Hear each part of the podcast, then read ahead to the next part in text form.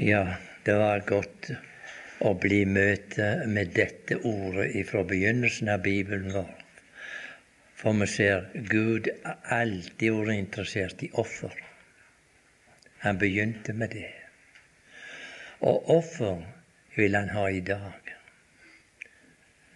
Men vi ser det var en vesensforskjell i offeret som var frambrakte. Vi kan gjenta litt av det som var lest. Det står i vers fire, det var vel det som var begynt med i kapittel, 4, kapittel 2. Vers, se, kapittel 4, ja, og vers 4. Og Abel bar også frem et offer som han tok av de førstefødte lam i sin jord og deres fett. Og Herren så til Abels offer, men til Kains offer. Men til Kain og til hans offer så han ikke. Jeg har en eldre oversettelse som jeg jevnt både leser og siterer ifra. Der står om Abels offer. Og Herren så blidt til Abels offer. Men til Kains offer. Han så ikke på det engang. For det de bar fram, var så forskjellig. Han så blidt til Abels offer. Han så med velbehag.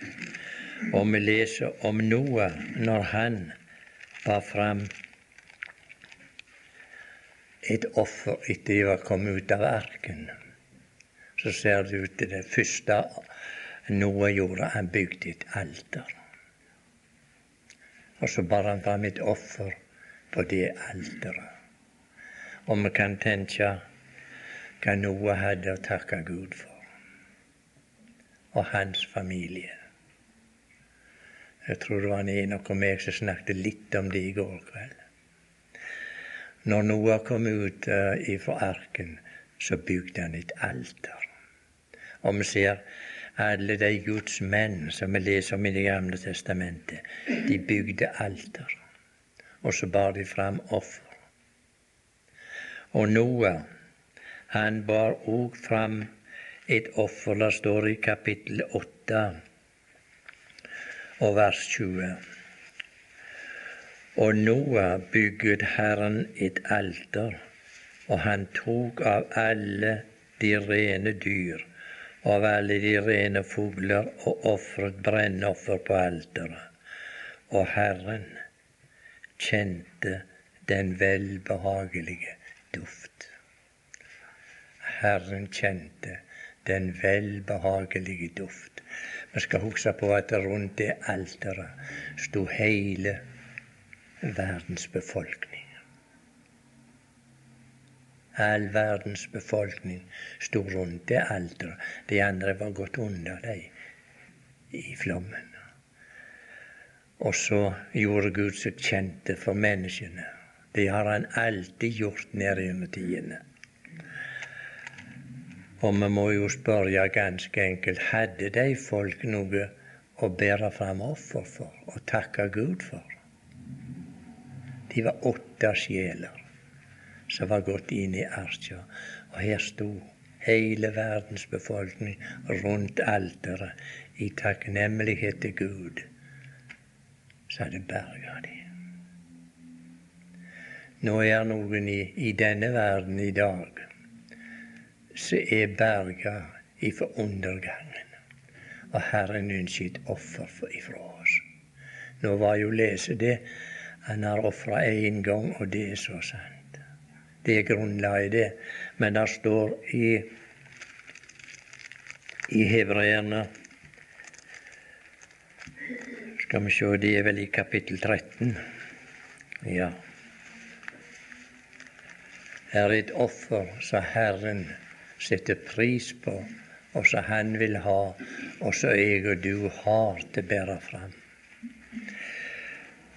i siste kapittel i Hebreerbrevet og vers 15. La oss da alltid ved ham frembringe lovoffer for Gud. Det er frukt av leper som lover Hans navn. Har du og jeg båret fram et offer i dag? Frukt av leper som lover Herrens navn. Det er det Herren er interessert i. Han er ikke interessert i ritualer og gudstjenester og alt det som heter så. Det er menneskelige forordninger, men det er Gud interessert i. Det er takker for.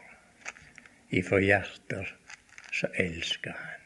Derfor står det i Salme 116, da. Ja, ja. Der står at eh, lovoffer La meg finne det at jeg ikke sier for mye feil.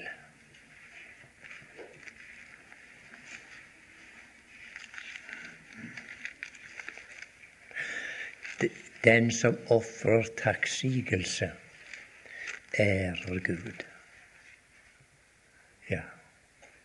Har man råd til det? Takksigelse. Og dette står vel, vel i Hebreabrevet, det òg la, da vi har så Nå. Det skal noe til å ha alt oppi dette gamle hodet òg.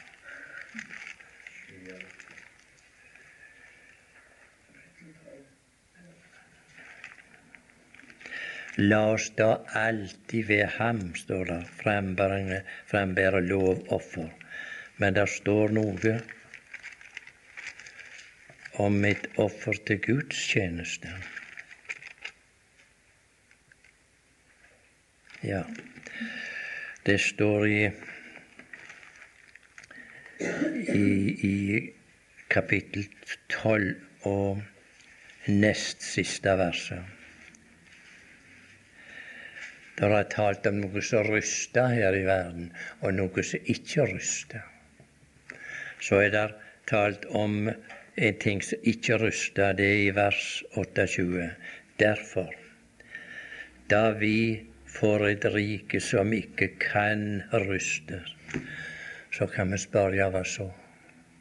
Jo, det kommer det står skrevet her. Da vi får et rike som ikke kan ruste, så la oss være takknemlige og derved tjene Gud til Hans velbehag. Det er noe som tilfredsstiller Gud takkoffer.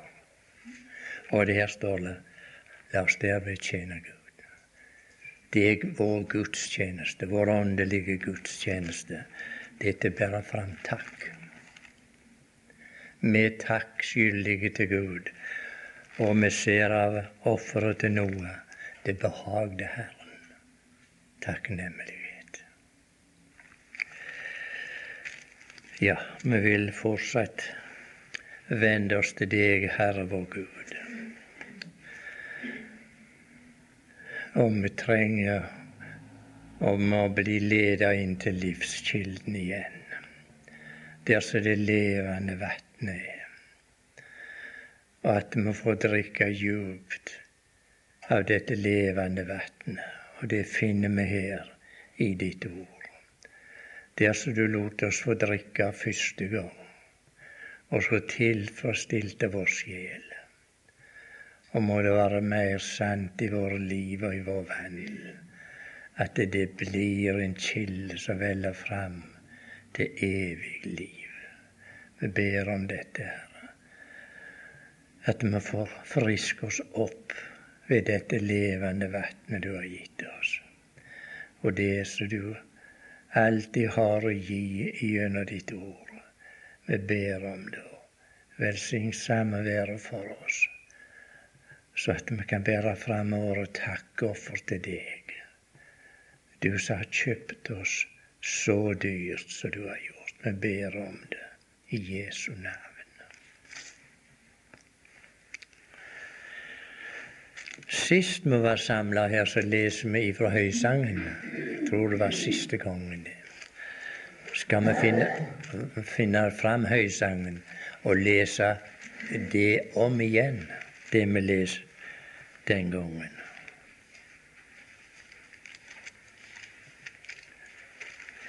Salomos høysang.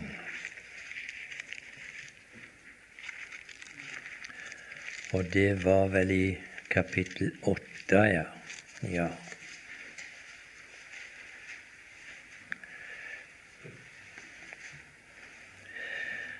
Høysangen kapittel åtte. Jeg syns jeg må gjenta det både for meg sjøl og for andre hver gang jeg går til høysangen.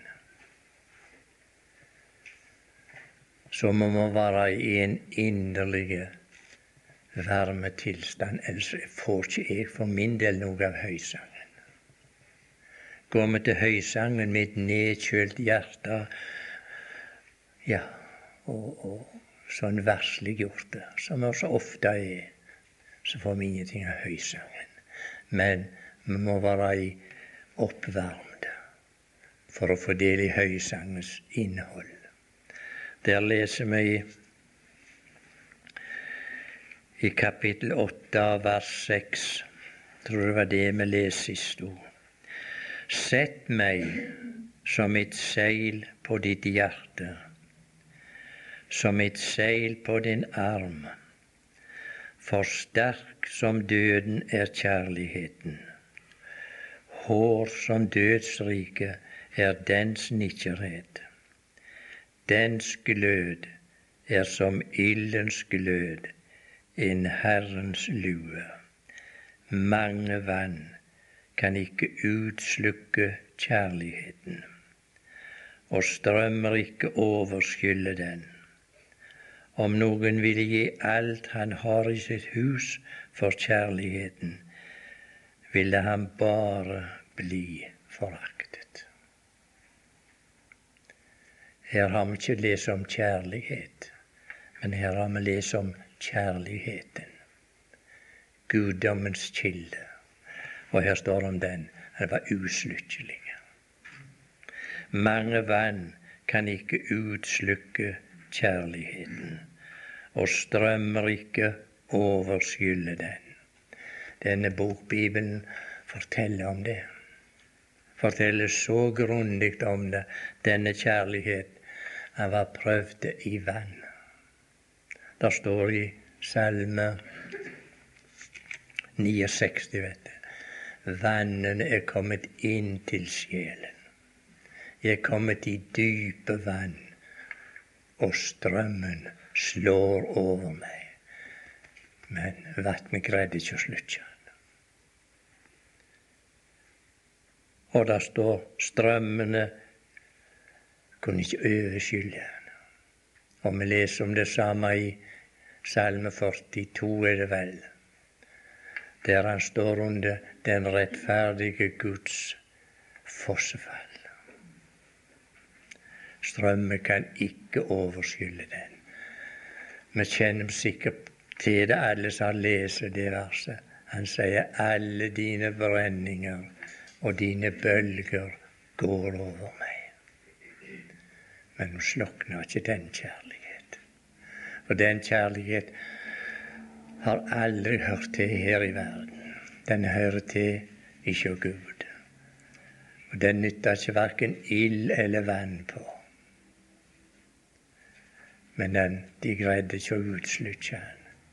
Og den er like varm i dag. Det var den kjærlighet som kom deg og meg til unnsetning og berge oss. Og det er den kjærlighet vi har lyst å opphøye. Og nyte synet av denne kjærlighet. Var det Moddi en gang som sa i, sine, i sin tale, så sa han til folket Mine venner, sa han, når de leser Bibelen, les og leite som om de leita etter noe verdifullt og kostbart. Les Bibelen deres som om det er på jakt etter noen dyrebare skatter. Så kan vi spørre hva har vi lest om? Er det dyrebart for ditt hjerte? denne kjærlighet, så ikke vann kunne utslutte og ikke strømmer overskylde. Taler til ditt og mitt hjerte er det dyrebare skatt for oss. Vi kan svare hver for oss. Guds kjærlighet åpenbart. For vi leser ja, det er Johannes brev vi leser. Ved dette er Guds kjærlighet åpenbart iblant oss. At Gud har sendt sin sønn til verden for å frelse oss. Det har ikke alltid vært slik.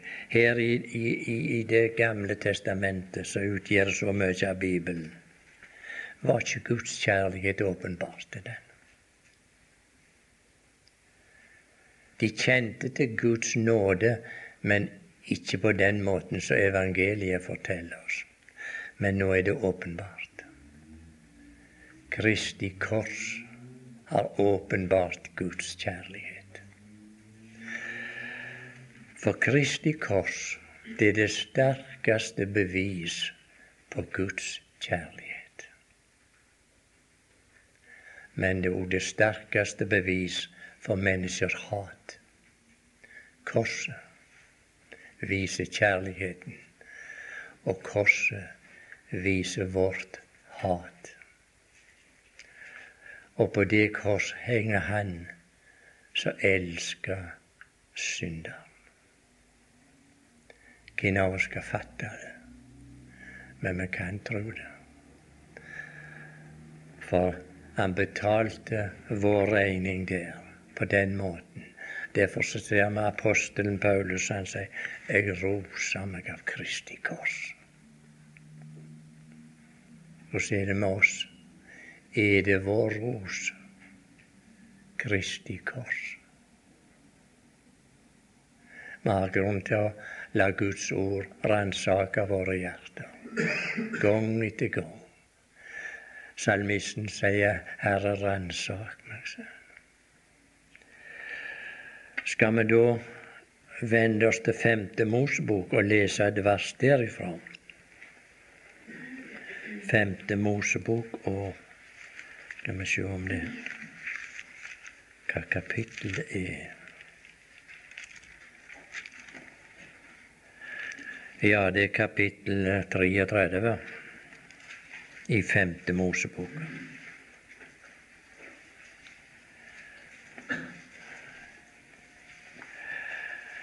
Der står det ordet som vi både har hørt og lest så mange ganger. Og der sier han ja, han elsker sitt folk. Alle dine hellige er i din hånd og de ligger for din fot og tar imot dine ord. Det er så lett å lese det, ikke sant? Snart og lett. Men hvem er det som taler?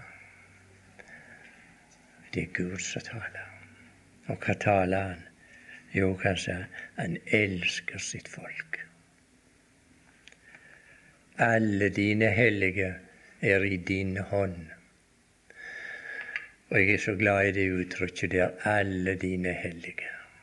Det noen som de kaller for sånn superhellige. Ja, ja, de får nå bare kalle seg. Men Gud har ikke superhellige. Han har bare hellige. Så har hans natur.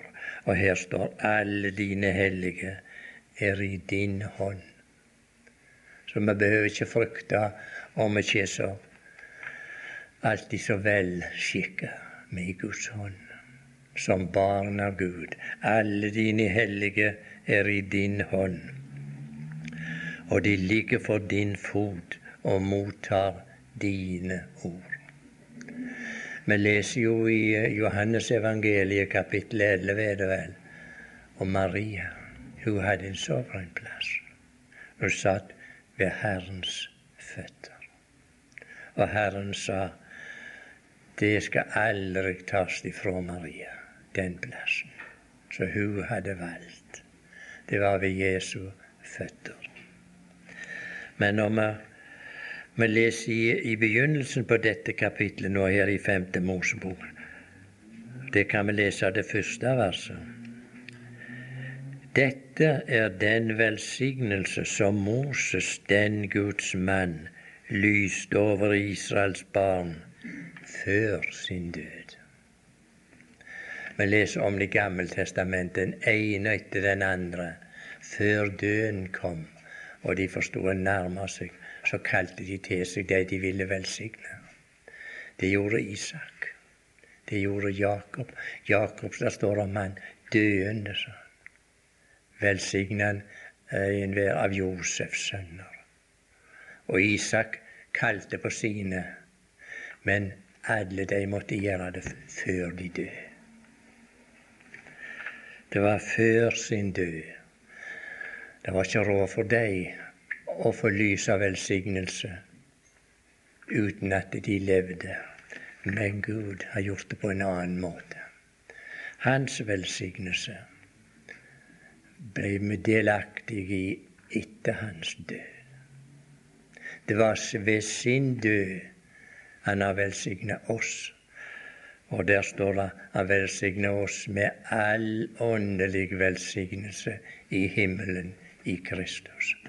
Men for at vi skulle få del i den, så måtte han dø først. Det var ingen av oss som kunne få del i den velsignelse mens han levde. Men det som brakte oss adgang til, til hans velsignelse, det var hans død. Og det er det vi er samla om for å tilbe og takke Han som gikk i døden for oss. Skal vi lese det om igjen, det verset der i, i 5. Mosebok 33.3. Ja, han elsker sitt folk. Alle dine hellige er i din hånd og de ligger for din fot. De tar imot dine ord. Er det i Jeremias Nå skal vi gå innom Jeremias' bok. Vi leser noe om, om hans ord. Skal vi se hva kapittel det er, da.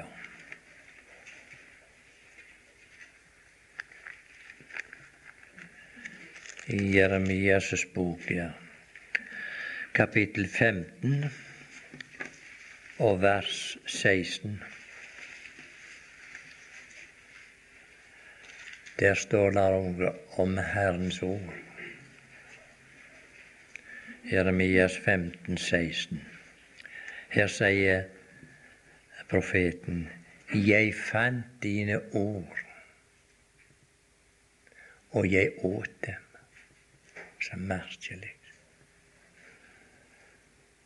Vi får aldri gagen av noe med mindre vi eter det. Men her tenker vi selvfølgelig på en annen munn. Og så sier profeten, jeg fant dine ord, og jeg åt dem.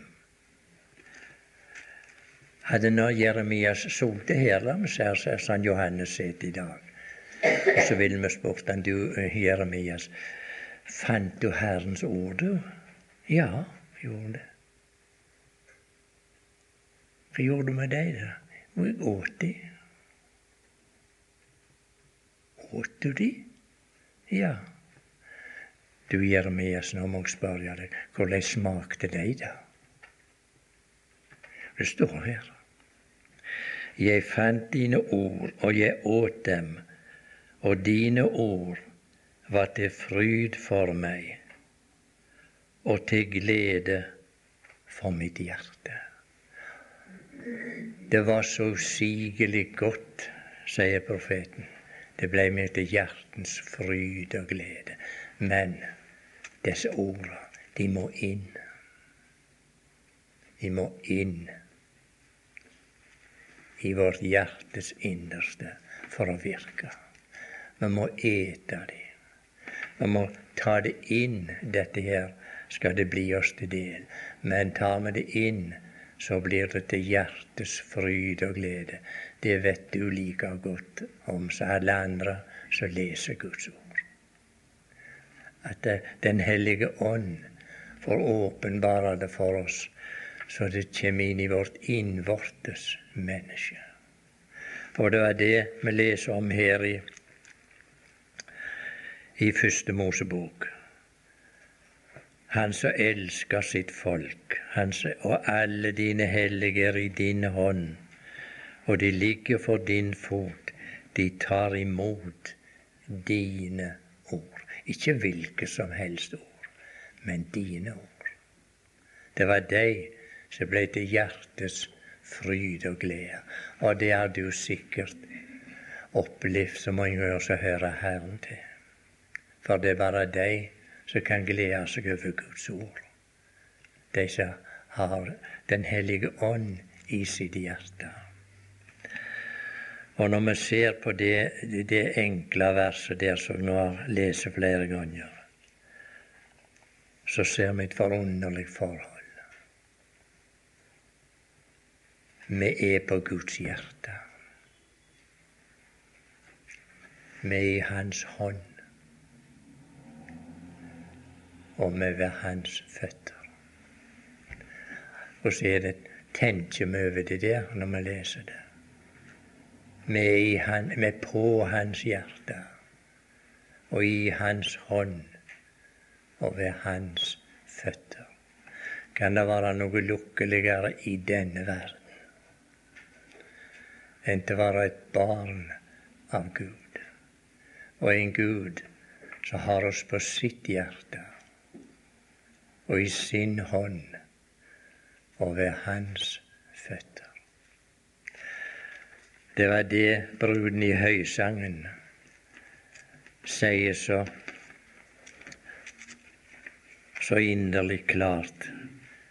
der hun i vers seks i kapittel åtte Sett meg som et seil på ditt hjerte. Det var brudens ønske. Hun ville være på hans hjerte. Og sett meg som et seil på din arm. Der ville bruden være. Hun ville være på brudgommens hjerte.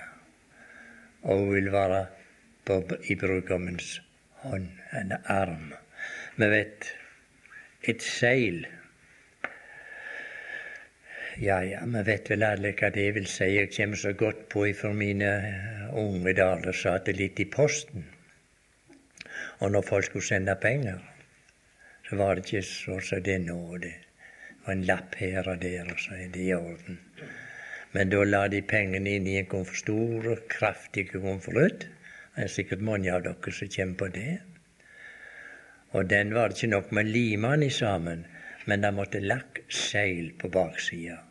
Vi hadde ei lakkstong som på, og så tente vi på ei fyrstikke, og så dryppet det nedpå. Denne mjuke eh, væska. Og så måtte vi ta et stempel og sette på. Der sto det tydelig Posten sitt merke.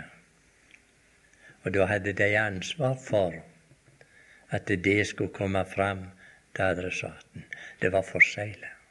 Eller besegla, vi vil. Her sier bruden, sett meg som et seil på ditt hjerte. På ditt hjerte. Bruden vet inderlig godt om, om det hjertet som vi gjerne vil være på Sett meg som et seil, noe som ikke kan brytes, og noe som ingen har med noe med å røre. La meg få være et sånt seil på ditt hjerte. Og ikke nok med det, men som et seil på din arm. Sett meg som et seil på ditt hjerte, og som et seil på din arm. Og vi vet det, i ditt hjerte, det uttrykket kjærlighet. Der ville bruden ha sitt stempel på hans kjærlighet. Og der vil hun ha sitt seil på hans arm. For vi vet en arm, det, det, det er den som hjelper. Det er der som krafta er. Og det er der Og man leser så jevnt her i Guds ord om Herrens arm, den sterke armen. Der ville bruden være. Som et seil på, på, på ditt hjerte. Så kan vi forundres over årsaken til hans kjærlighet. Og der kan vi si med en gang den finnes ikke i denne verden. Årsaken til Guds kjærlighet, den er i hans hjerte og har vært fra evighet av.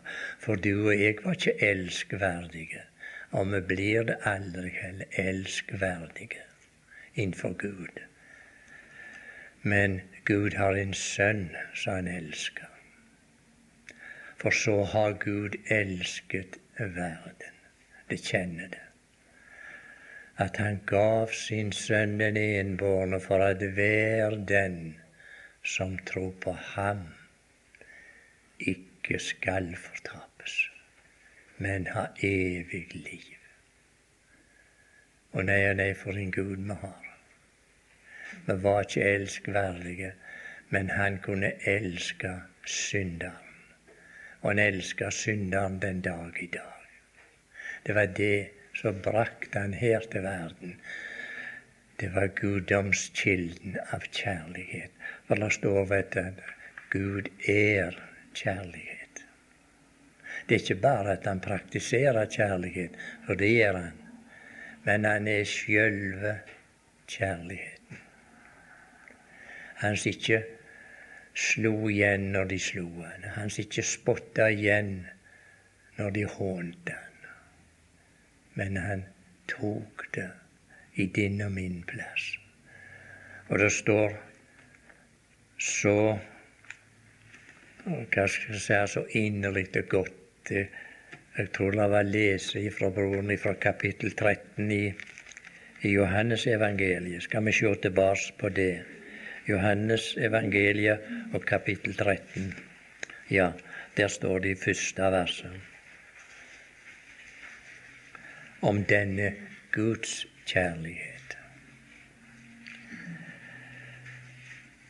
Men før påskehøytiden, da Jesus visste at hans time var kommet Det var ikke noen overraskelse som kom over ham.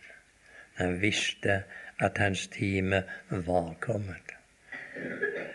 Da han skulle gå bort fra denne verden til Faderen,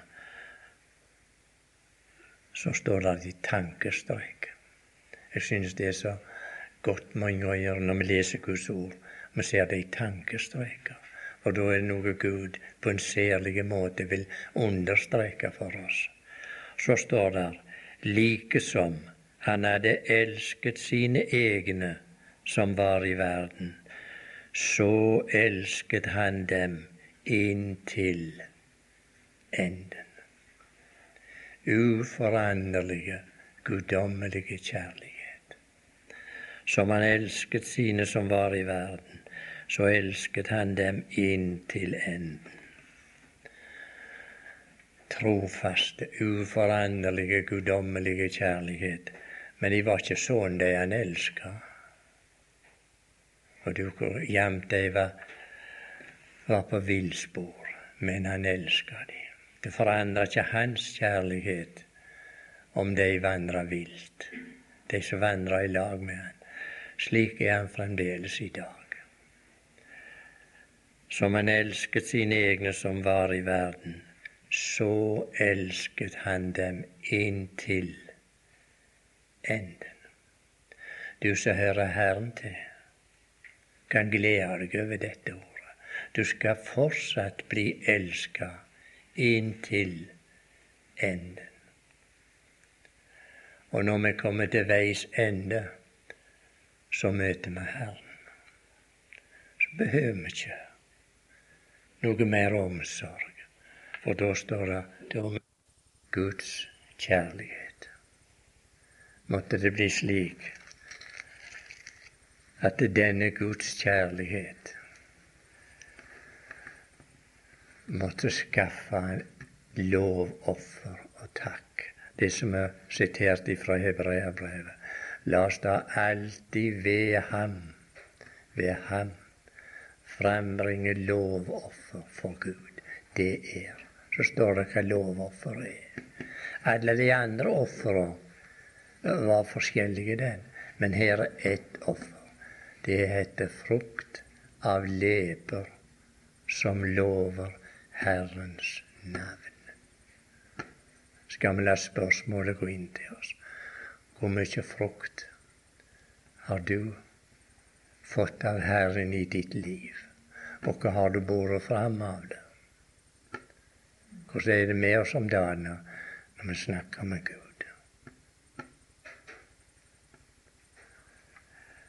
Det står i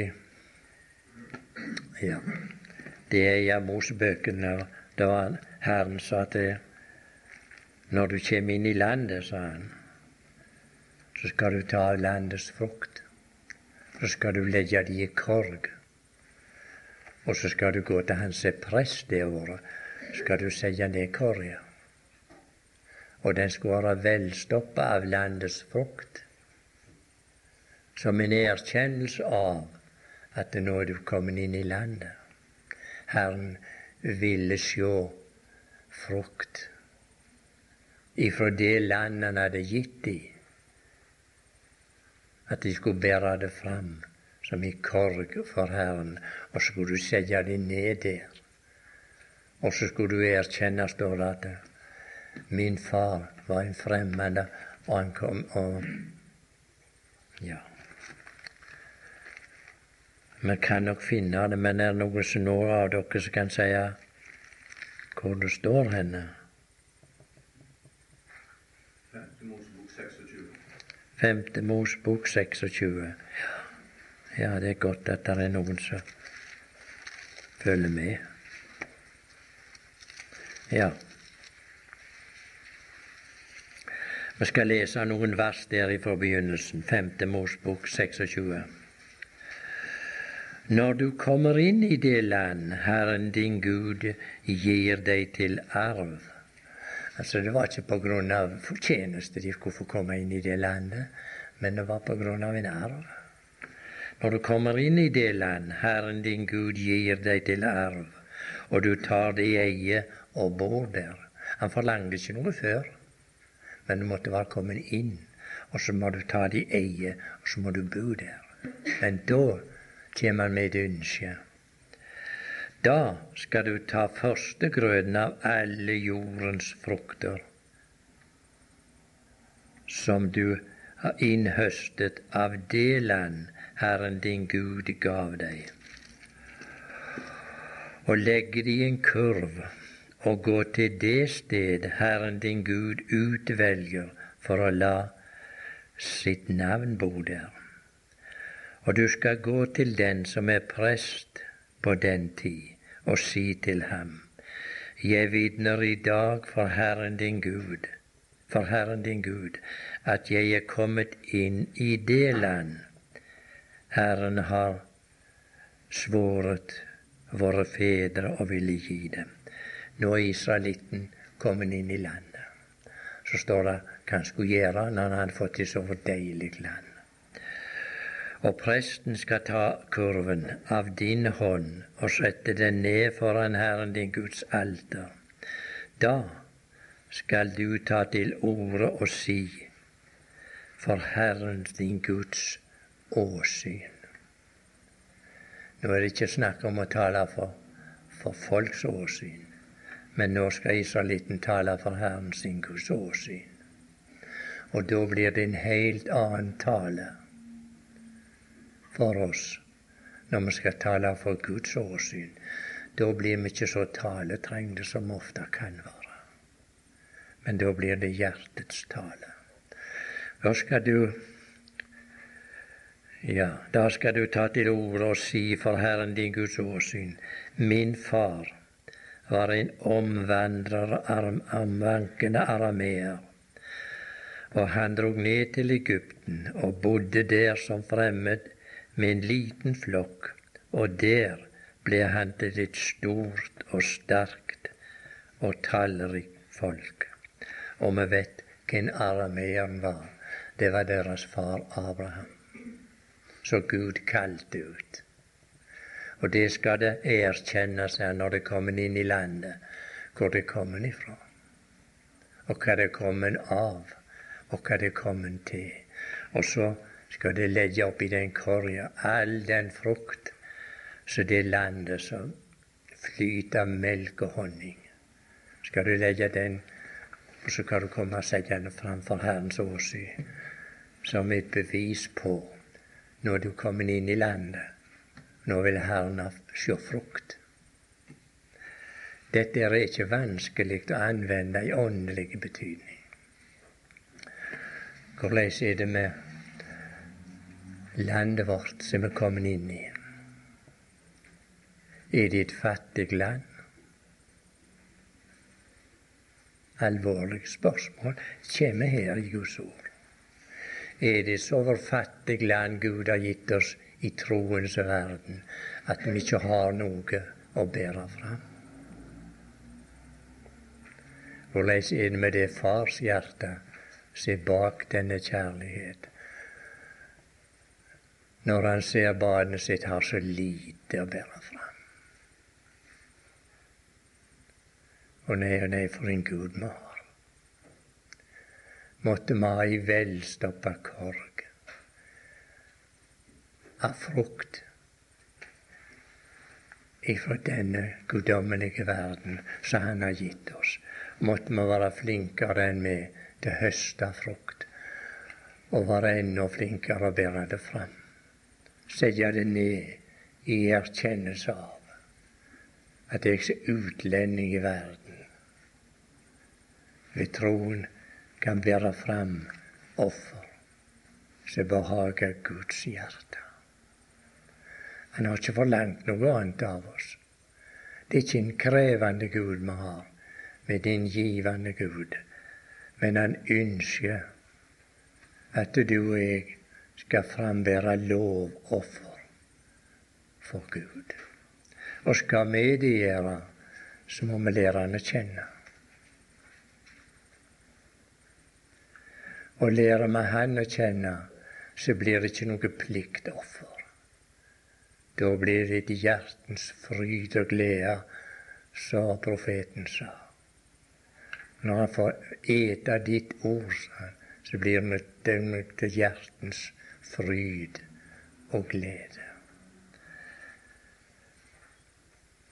Skal vi lese videre kanskje der, i det samme kapitlet i Femte Mosebok. I vers 9. Og der kommer erkjennelsen. Og han førte oss til dette sted og gav oss dette land, et land som flyter med melk og honning. Skulle det være vanskelig å finne frukter i et så land som var så rikt? Aldeles ikke. Vi har jo alle lest om speiderne når de skulle inn i Kanans land. Og så tok de en drueklase, og den var så stor, de måtte være to å bære den. Så får vi iallfall litt innsikt i det rike land. Og, og der er oppnevnt alt det der var, men så kom de med, med en fruktklase. Og da, da Jeg tenker tilbake i min tid. Det var noen som var inne for Guds åsyn i troens land, som vi fikk sitte og nyte og høre. Så kom de ut med frukt. Og hvordan det smakte. Jeg vet ikke jeg om jeg sier rett, men har mindre av de vært der. Noen som har vært inne i landet, og så kommer ut med frukt som det landet gir. Det sies om han så, så de sa fram, fram til Amerika, den spanjolen. Hva var det han het? Columbus. ja, visst var det det. Som unge mann så gikk han ned på stranda på vestsida i, i Spania. Gikk og dreiv att og fram der. Han hadde, han hadde sånn utfartslyst, den unge mann Columbus.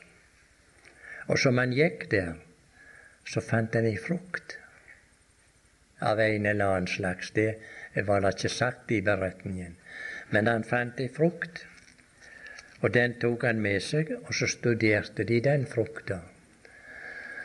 Og så kom de fram til at denne frukt kommer iallfall ikke fra vårt land, for hun var helt ukjent. Og for landene rundt i Middelhavet kjente de ikke den frukten. Og ingen kunne fortelle hvor den kom ifra.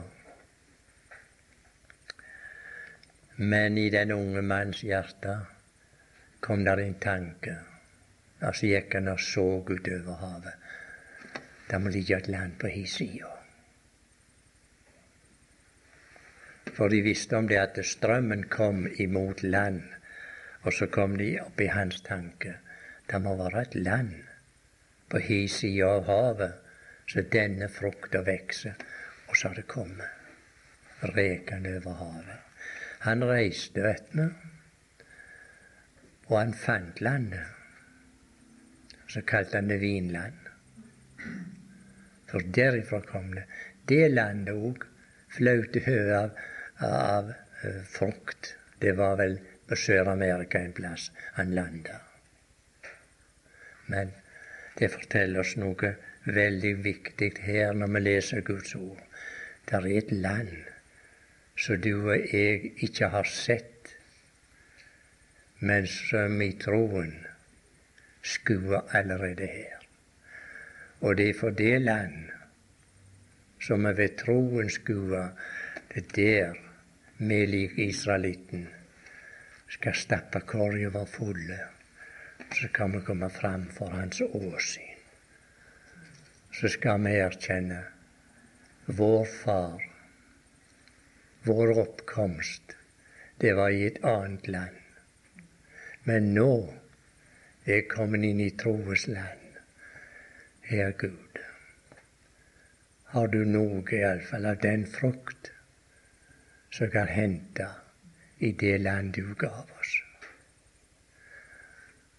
Må det være mer og mer sant i våre hjerter når vi trer fram for Guds åsyn, at vi har frukt ifra den evige verden og bære fram for Gud. Det skal vi gjøre i enerom mest mulig mest mulig. Derfor sa Herren han var her, gå inn i ditt lønnkammer, sa han, og lukk din dør. La oss ikke glemme det. Å lukke døra. Du vet nå hvis like godt som meg, hvis vi ikke lukker døra, så hører vi alle den sjauen ifra verden. Og så er vi så interessert i det, skal vi høre med det ene øret på det. Og det andre skal vi da liksom ja, høre på Gud. Nei, sa han, lukk. Det må vi ha hjelp til.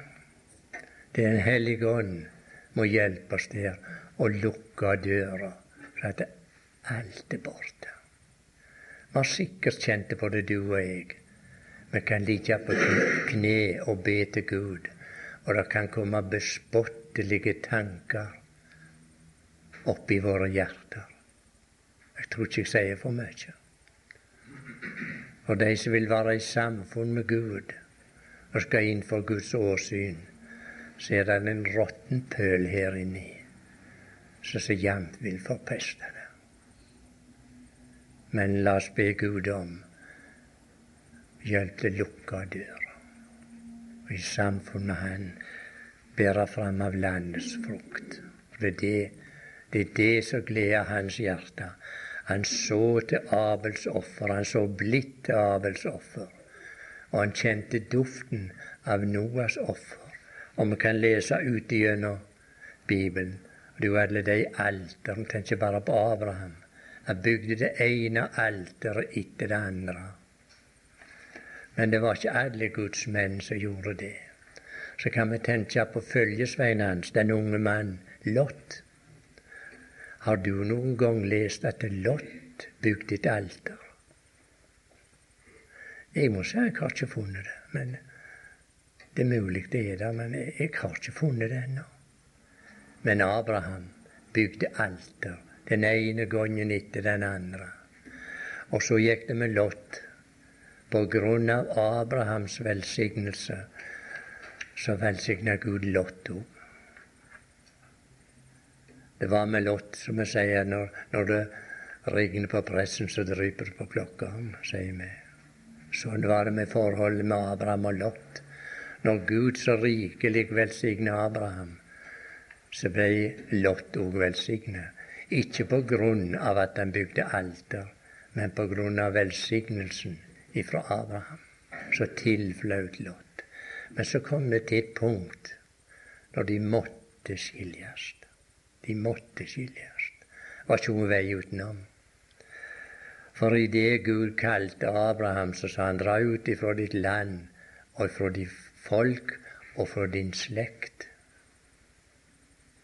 Lot var slekt. Abraham var det som vi sier onkelen hans. Og så står det Abraham tok Lot med seg. Etter Guds ord så skulle ikke Abraham tatt Lot med, men Gud bebreide han ikke for det om han tok Lot med seg. Men Herren sa utenfor slekta di òg. Men det kom til et punkt når bruddet kom, og så vet vi hvordan det gikk.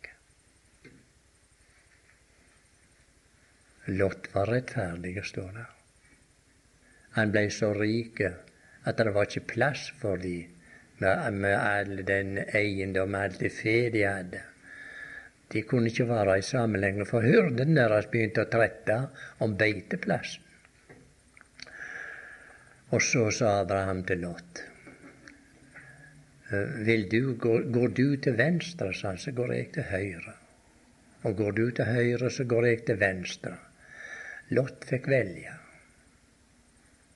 Abraham han var ikke så interessert i å velge, for han hadde Gud som valgte for seg, han.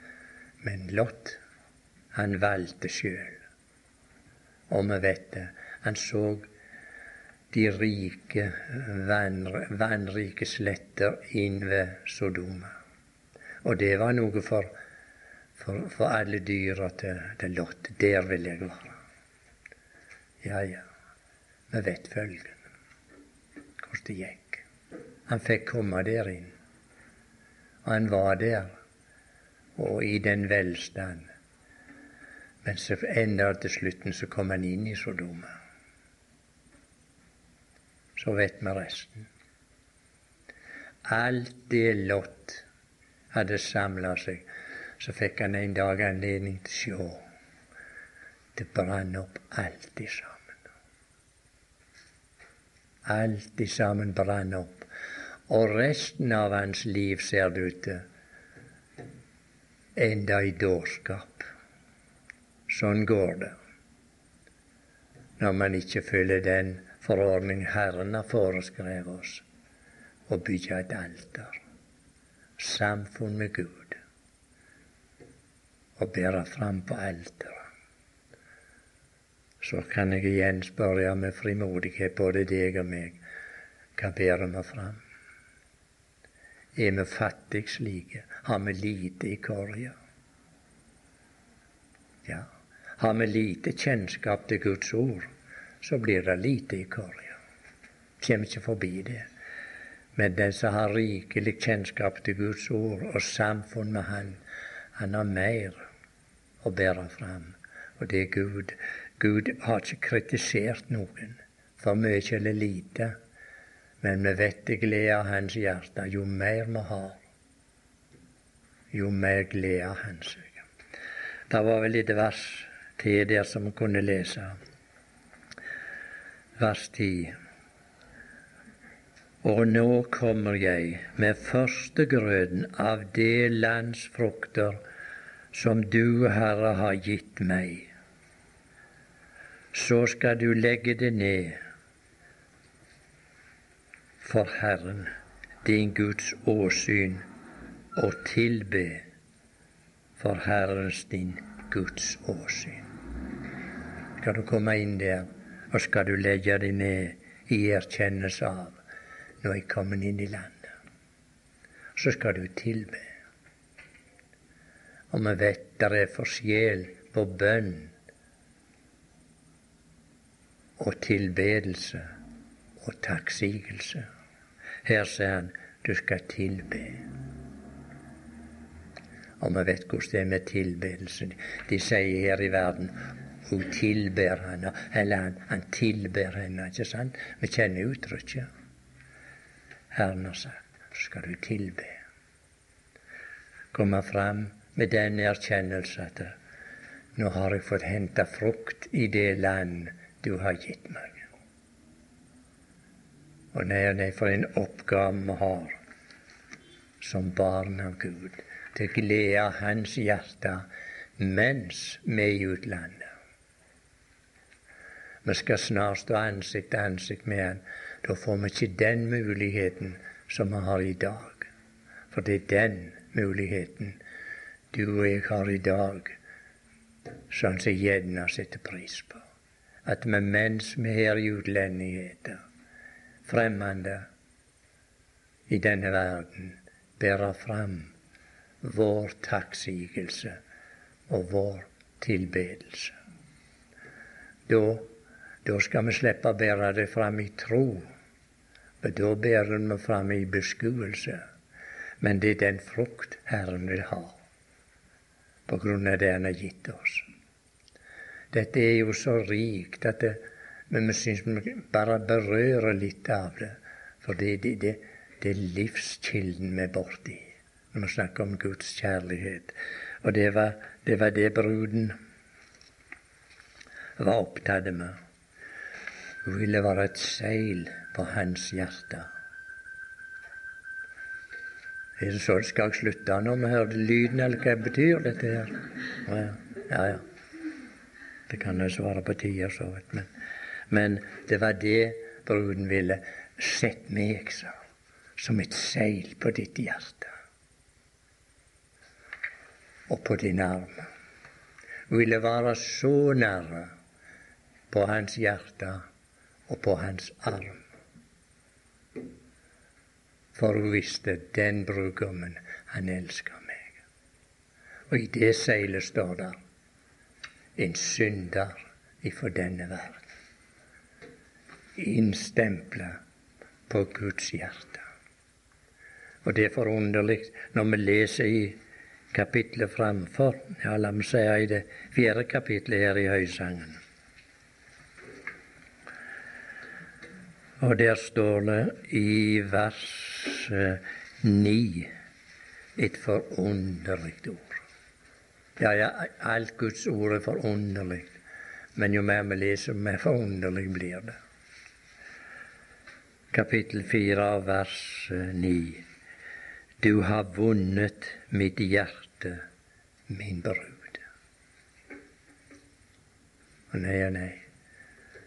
Hva er det ved oss og deg, da, som har gjort at vi har vunnet hans hjerte?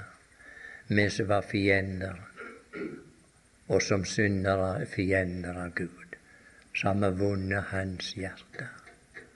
Ja, jeg kan ikke trenge inn i den hemmeligheten. Og det kan ikke noen i denne verden. For der står det det var en hemmelighet i Guds hjerte ifra evighet av. Ikke på grunn at vi var elskverdige, men der står om Sønnen. Han hadde sin lyst i menneskenes barn. Hvem skal forstå det? da? Før jorda var skapt, før menneskene var til, så hadde han sin lyst i menneskenes barn. Vi føler vi vi ned ved kanten av et evig hav som bare står og ser utover og forundres på. Og så sier brudgommen, du har vunnet mitt hjerte. Min søster, min brud. Du har vunnet mitt hjerte med et eneste øyekast. Tenk, her leser vi om en Gud som er forelska. Må det være når han sier til bruden 'Du har vunnet mitt hjerte'? Hva skal vi noe annet enn elske en soveren,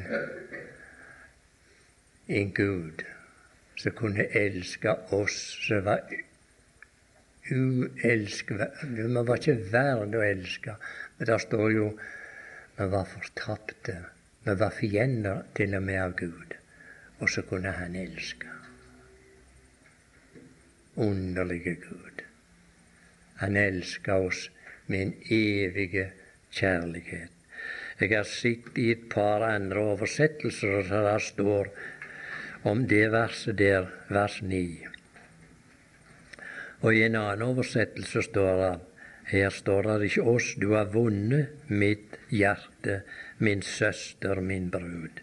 Og så står det en annen plass, du har tatt mitt hjerte bort. Og en i en annen står det Du har røvet mitt hjerte. Tenk, fattige syndere i denne verden, fiender av Gud, som er kommet i den situasjonen, eller i den eh, Hva skal vi si på den plass? At man har tatt Guds hjerte inn. Han er blitt forelska i, i syndere. Har vi noe å bære fram? Har vi noe offer? Hva har vi funnet ikke Han som elsker oss så høyt? Vi har funnet Guds uendelige kjærlighet. Må det være med oss og hjelpe oss til å prise Herren. Og når vi leser gjennom det kapitlet fire, la meg si det før jeg slutter, så er det bare brudgommen som taler.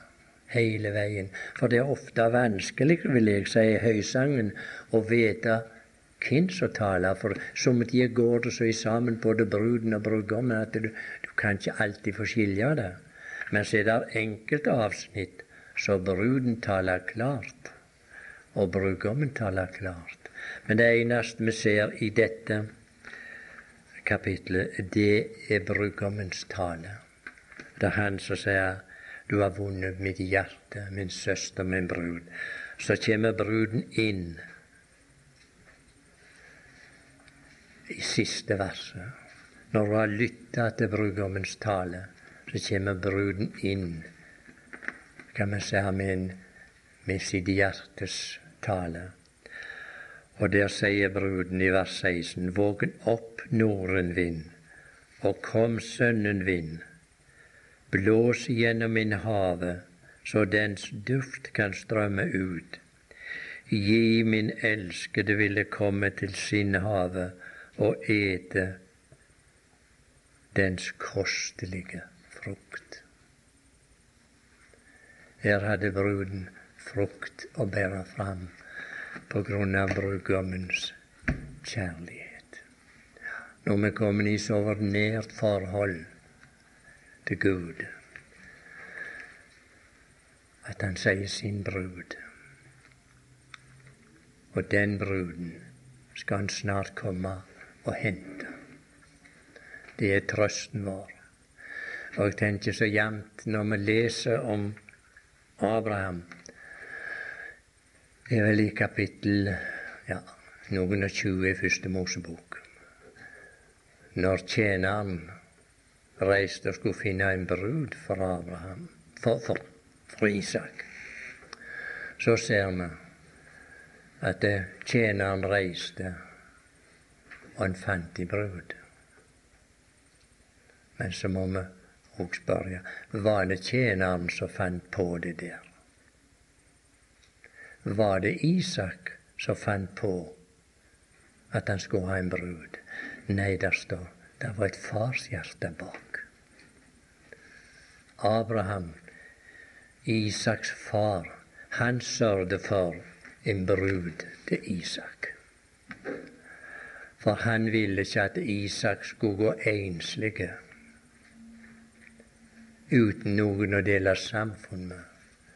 Og så sa han til tjeneren, legg din hånd under min, ledd, min lend.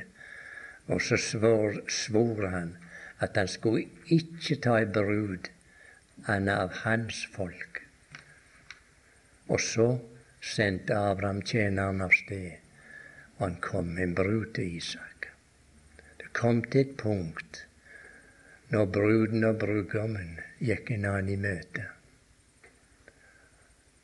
Så sporer bruden hvem er som kommer, hvem jeg ser der. Så sa tjeneren, det er min Herre. Så ble det et møte. Men så ser vi årsaken til det. Det var et farshjerte som var bak. Til den brud vi har lest om her, og til den brud som er så er her så hører Herren til. Gud gi at vi alle var i den eh, orden at vi hørte Herren til. Uansett om ikke synes vi som kommer så langt på troens vei. For det har ingen betydning. Alle hans hellige var i hans hånd. Men det var et fars hjerte bak, og det var Guds hjerte, som ikke ville at hans sønn skulle være ensom i all evighet, men han skulle ha en brud. Og vi ser noe av det første som skal skje etter Herren har henta sin brud, så står det han skal ha en for seg selv. For seg selv, står det. Han som gav seg selv. Men det kommer andre åpenbarelser angående den tid. Men det står at han skal ha bruden for seg selv. Han skal nyte bruden, og brudgommen skal nyte eller bruden skal nyte brudgommen. Det skal være et kan vi si, et mer intimt møte med brud og brudgom før det skjer andre ting. Før Kristi domstol skal det være et treff og et samvær så han selv skal stå der, skal nyte han. Må det være større for oss dag for dag å høre Herren til.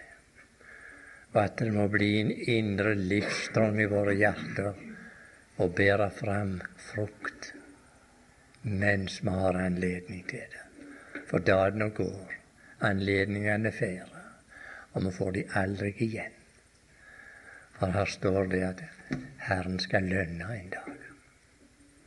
Det kommer en belønningsdag. Så han skal Nå senere det står det skal enhvers verk skal prøves. Og vi vet det er ingenting der som står seg, som er gjort av vår gamle natur. Alt det vil brenne opp, står Men det som er gjort ut ifra den guddommelige natur som har fått, det tåler ilden. Så er det opp til oss om vi vil ære Herren med å bære fram frukter så det nye liv har gitt oss. Jeg står nå nettopp og tenker Vi synger vel av og til en sang. Ja, står, den står på nummer 90. Nå mener ikke jeg vi skal synge den, men jeg tenkte akkurat på et vers der i den sangen. Den begynner så Fullkommen fred med deg, o Gud og hvilken salighet! En synder nå forlikt med blod, det er i sannhet fred. Så står det i vers 3 så nær, så ganske nær til deg. Mer nær ei tenkes kan. For når du ser meg i din Sønn, jeg er så nær som Han. Undrer han på Tror vi det der? Nå, nå er ikke det Bibelens gjengivelse, men det er Bibelens sannhet. I den gamle boka vi hadde, den grønne, som jeg sier av og til, der står det litt annerledes i det tredje verset. Og jeg skal lese det slik som der står. Så nær, så ganske nær til deg mer nær ei tenkes kan, forenet med Hans Sønn som brud. Jeg er så nær som Han. Så nær. Er barn av Gud, må vi ikke glemme det. Vi vandrer her. Og Herren sier 'mine elskede barn'. Det sier fars hjerte. Og så mer nær i tenkeskan, forenet med din sønn som brud, er så nær som han. Synes du at det, det hovmodige tale å si slikt noe? Guds ord sier det. Nå veit vi det er noen som kritiserer oss for det at vi tar for store ord i munnen. Men må Gud bevare seg for det. Men når det angår denne sak, så er det Guds ord. For vi er forenet med Hans Sønns. Vi er blitt ett. Og hvor er da skillet? Når vi er blitt ett med Han. Der er en forfatter som uttrykker seg på den måten. Når vi er blitt gjort til ett med Gud i Sønnen. Hvis den som er gjort til ett med Gud, skal skiljes eller skal gå fortapt, så må iallfall Gud dø først, sa vedkommende så må Gud dø først. For man blir gjort ett med Ham i Kristus. Dette er ingenting noen, for noen av oss å bli håndmodige. Aldeles ikke. Men det skulle føre oss til takknemlighet, tilbedelse og fryd, så vi kan fryde oss. La meg da få si det òg. Vår frydedag er ikke kommet ennå. Vi har ingenting å rope halleluja høyt for. Vi kan rope halleluja i våre hjerter. Men vår hallelujadag er ikke kommet den ennå. Men han er nær forestående. Nå vil jeg Jeg blir visst ikke ferdig, men jeg vil lese et ord fra Peters brev før jeg setter meg så angår den den store dag som har i vente. Det er i første Peters brev. Skal vi sjå, det er kapittel fire.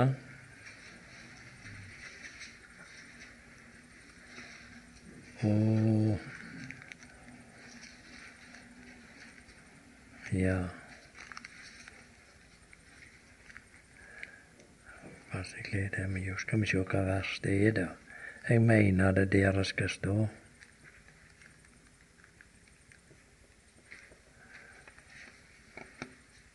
Ja, det i vers 13.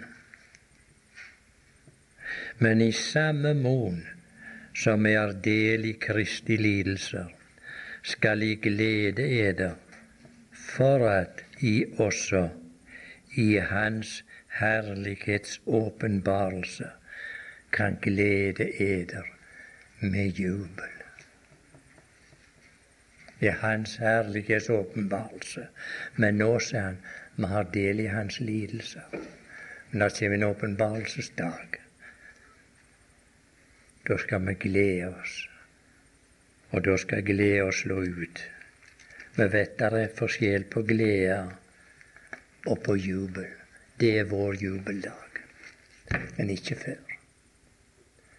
Her vandrer vi i Tårdalen, men da skal vi juble. Men Då har Han henta oss. Må Gud velsigne oss at vi lever og gleder oss i den tid vi har,